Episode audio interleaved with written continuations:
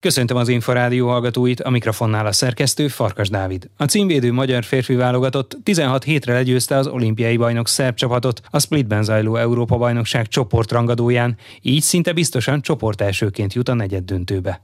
Faragó Tamás olimpiai világ és Európa bajnokot a nemzet sportolóját kérdeztük. Valami fantasztikus játékot nyújtottak egyénileg, csapatban, taktikailag, és hát természetesen az is közre játszik, és mindig fontos megjegyezni, hogy a másik csapat pedig a tudása alatt játszott, tehát megmagyarázatlan módon eldobálták a labdát, fegyelmezetlenek voltak, ami hát nem jellemző a szerb vízilabdára, de minden esetre a szerbekkel foglalkozunk azzal, hogy olyan teljesítményeket láttunk, olyan biztató teljesítményeket láttunk, ami szinte csodaszámba ment, mert nagyon féltettük ezt a csapatot, fiatal, de tudtuk, hogy nagyon tehetséges játékosokból álló fiatal csapatot küldünk ki Splitbe, és hát minden várakozáson felül ki, szerepelt mindenki, és az egész történet szinte mesebeli. Varga Zsolt szövetségi kapitány korábban az Inforádiónak hangsúlyozta, hogy ő ugye mindig a védekezés megszervezésére épít. Ez látszott este is. Igen, hát pontosan az látszott, hogy a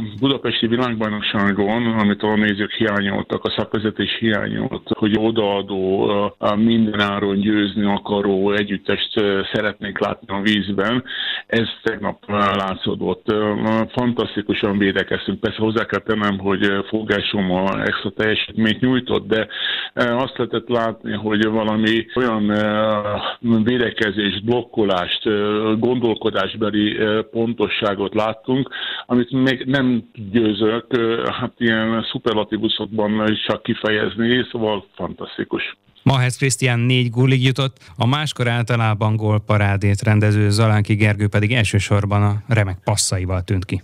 Igen, hát ez, ez ilyen. Szóval valójában így kéne szerepelni. Én mindig azt szoktam mondani a tanítványaimnak, a jó játékos az képes arra, hogy egy mérkőzés el tud dönteni góljaival, de ugyanakkor klasszis teljesítményt is tud nyújtani, hogyha jól játszat valaki. Tehát a műveltető képzőt, hogyha ismeri valaki, akkor pontosan tudja ennek a fogalomnak a lényegét. Azért voltak szurkolók is, szakértők is, ott volt a fejekben tegnap este a bizonytalanság, hogy esetleg a szervek taktikáztak. Mennyire lehet ez benne a pakliban? Sajnos benne van. Az Európa bajnokság az olyan hosszú ideig tart, és annyira két részből áll a mezőny, hogy igazából nem lehet tudni, hogy a szervek mit akartak. Egy biztos, ezt biztos nem akarták, tehát azért legyünk őszinték, azért a szerb vízilabda nem engedheti meg magának, hogy ilyen vereségbe belefusson, de a játékosoknak a hozzáállása, az edzőnek a tekintete azt mutatta, hogy valami ők kitaláltak, és nem így akarták megvalósítani, de minden esetre legyen ez az ő dolguk, azt tudjuk, hogy mi magyarok örülünk neki, hogy mi így tudunk játszani, és felnő megint egy olyan generáció, akikben bízhatunk, és győzelemre esélyesek.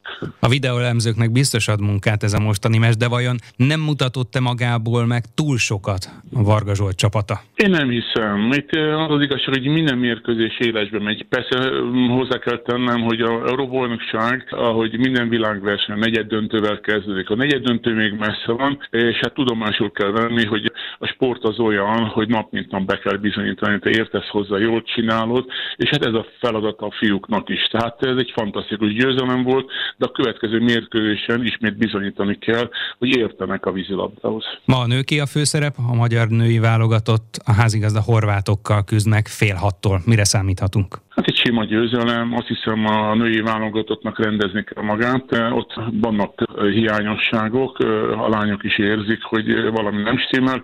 Ettől függetlenül nagy csajokra is ugyanaz érvényes, amit előbb mondtam a fiúkra. Ugye negyed döntővel kezdődik egy világverseny, egy Európa bajnokság, és én azt hiszem, hogy addigra össze tudják szedni magukat, és ha a spanyolokkal kell játszani, képesek a spanyolokat is megverni. Faragó Tamás olimpiai világ és Európa bajnok vízilabdázót, a magyar női válogatott korábbi szakvezetőjét nevét, a nemzet sportolóját hallották. Az elmúlt hetekben egymást érték az utánpótlás sikerek. Az U18-as férfi csapat után világbajnok lett az U16-os női és férfi együttes. A lányok mesterét Sike Józsefet kérdeztük. Az a legnagyobb élményünk, hogy Európa bajnokként kimentünk a világba, és nem megvédtük a címünket, csak egy picit még kiterjesztettük ezt az Európa bajnoki aranyérmet, hiszen meg tudtuk verni az Ausztráliát és az Amerikát is, tehát jogosan ebbe a korosztályban jelenleg ott és akkor ebben a pillanatban mi vagyunk a legjobbak. A görögök elleni fináléban 10-6-ra győztek. Ez egy sima döntőnek számított, vagy belülről nem így élték meg? Ezeknek a kislányoknak azért még életükben először volt olyan, hogy 2000 ember a lelátón és az a hazaiaknak szurkolt, de igazából ez nem zavarta meg a csapatot, mert 4 0 elment, és ott több ember hátrányt védekeztünk, hátrányba voltunk, és tudtunk gyorsan lőni gólokat, tehát igazából azt mondom, hogy már az elején eldőlt a világbajnoki cím a döntőben. Milyen erősségei vannak ennek az együttesnek? Ennek az együttesnek először is nagyon stabil védekezése van. Itt azt mondom, hogy a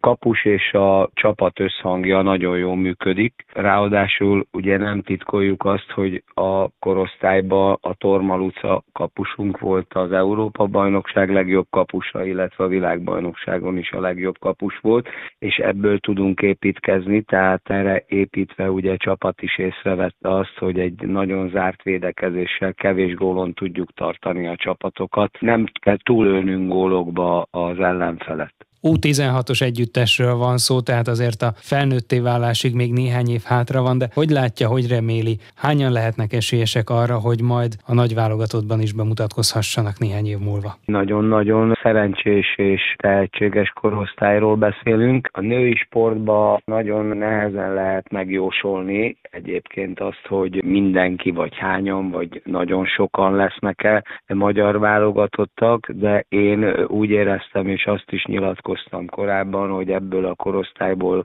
2028 Los Angeles-i olimpián fogunk találkozni játékosokkal. Ugye a nőknél azért érdekesebb a történet, mert családalapítás, iskola, bármi történhet, tehát egy, egy férfi sportolónál a sportolói karrier az 30-32 éves kor, korukig is szól. A lányoknál azért ezzel óvatosabban kell fogalmazni, mert körülbelül 24 éves korban sok minden eldől, mert merre, meddig, családalapítás, gyerek, stb. Tehát itt sokkal kisebb az intervalluma az időbe a lányjátékosoknak, de én azt gondolom, hogy nevet nem mondanék, de biztos vagyok benne, hogy 28-ba fogunk találkozni, ha megyünk az olimpiára. Sike Józsefet, az U16-os magyar női vízilabda válogatott szövetségi edzőjét hallották. A pólópercekkel legközelebb jövő csütörtökön délután, nem sokkal 3.44 után várjuk Önöket. Korábbi adásainkat megtalálják az Inforádió honlapján a www.infostart.hu oldalon. Most megköszöni figyelmüket a szerkesztő Farkas Dávid.